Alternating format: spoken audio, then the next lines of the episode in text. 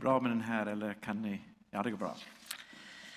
Um, jag tror vi alla är berörda av den här barnvälsignelsen som vi var med om i början av gudstjänsten. Och det är alltid så att eh, en barnvälsignelse berör på ett väldigt starkt sätt. Ehm, bland det finaste som jag var med om i Zambia när jag jobbade där som läkare var just det att eh, se en svår förlossning och när det blev till sist eh, att både mamman och barnet eh, överlevde och de var friska båda två. Det, där, det var nästan att det välde upp, man ville säga halleluja för att ibland var det väldigt svåra perser innan det, det blev så. Men en av de andra sakerna som var mycket svårare än det här med just förlossningar, det var att ha hand om svårt undernärda barn.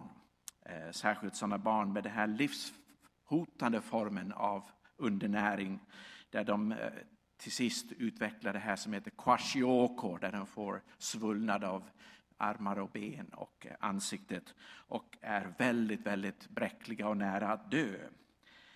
Eh, de här barnen tidigare hade en dödlighet på 50 procent, även i de bästa sjukhusen i världen. Så de var väldigt bräckliga och de var väldigt nära på att dö. Eh, sen utvecklade man nya metoder för att eh, hjälpa dem och nu kunde man rädda upp till 95 procent av dem om man gjorde det på rätt sätt. Och då blev det den här stunden med de här barnen som när de kom in var helt apatiska, ville inte ha någon, någon mat, var inte det minsta intresserade av någonting att äta eller dricka och var inte intresserade av att titta på någon, ingenting, det var helt apatiska. Och sen då när man då gav dem den här behandlingen och gav dem mat på ett speciellt sätt så att de kunde ta in det även om de inte ville ha det Eh, så blev det plötsligt att när det blev en blick hos dem där de började att intressera sig för mat och för deras mamma, då var den stora faran över. Och det var en fantastisk stund just det där.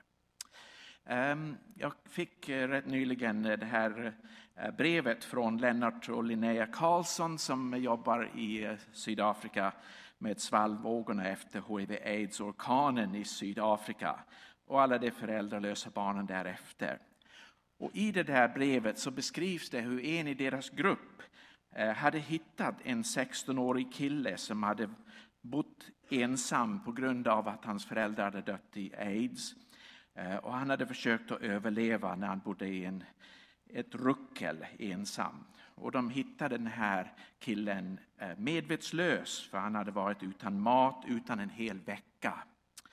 De lyckades rädda hans liv och nu är han välutbildad banktjänsteman. Fantastiskt att man kunde göra så bra eh, saker så att han överlevde och sen kunde utvecklas till det han är idag.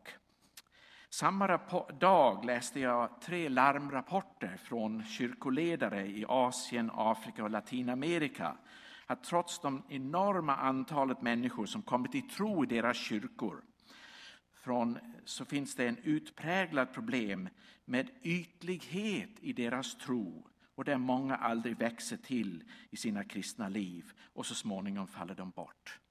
Och jag tänkte just då den här kopplingen där.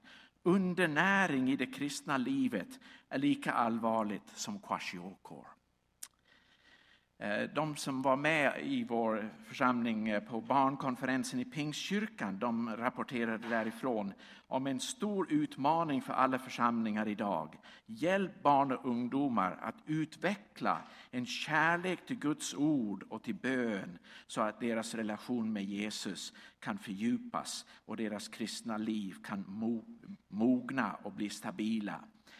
Så att när de kommer till högstadiet, gymnasietiden och högskolan så kan de stå fasta som kristna. Och jag tänkte det är samma glädje hos ungdomsledare, ungdomspastorer, ungdom, alla som jobbar med våra ungdomar. När man ser det tänds en låga efter Guds ord, efter bön och framförallt efter Jesus själv hos dessa ungdomar. Det är lika inspirerande som när man ser den där blicken i ett eh, barn som har varit väldigt eh, nära döden och nu börjar att eh, känna hunger efter det som man har till hands.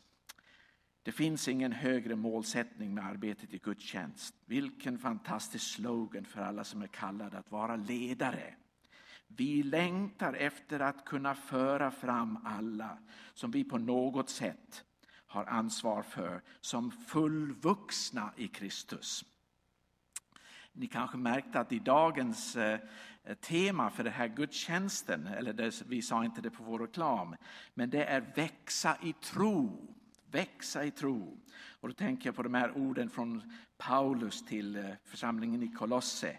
Kolosserbrevet 1, 28 och 29. Vi undervisar i en anda av sundaste förnuft för att alla ska kunna mogna. Att vara mogen är att hålla sig till grunden, Kristus, varken mer eller mindre. Det är detta jag slits för dag ut och dag in, år ut och år in, så gott jag kan med den kraft som Gud frikostigt skänker mig. Och man kan nästan höra i bakgrunden Paulus som ropar upp till oss idag. Kör vidare med all kraft och utveckla ännu mer med den fantasi som Gud har gett er. Klubbelit, X2000, Konfa-året, Dios.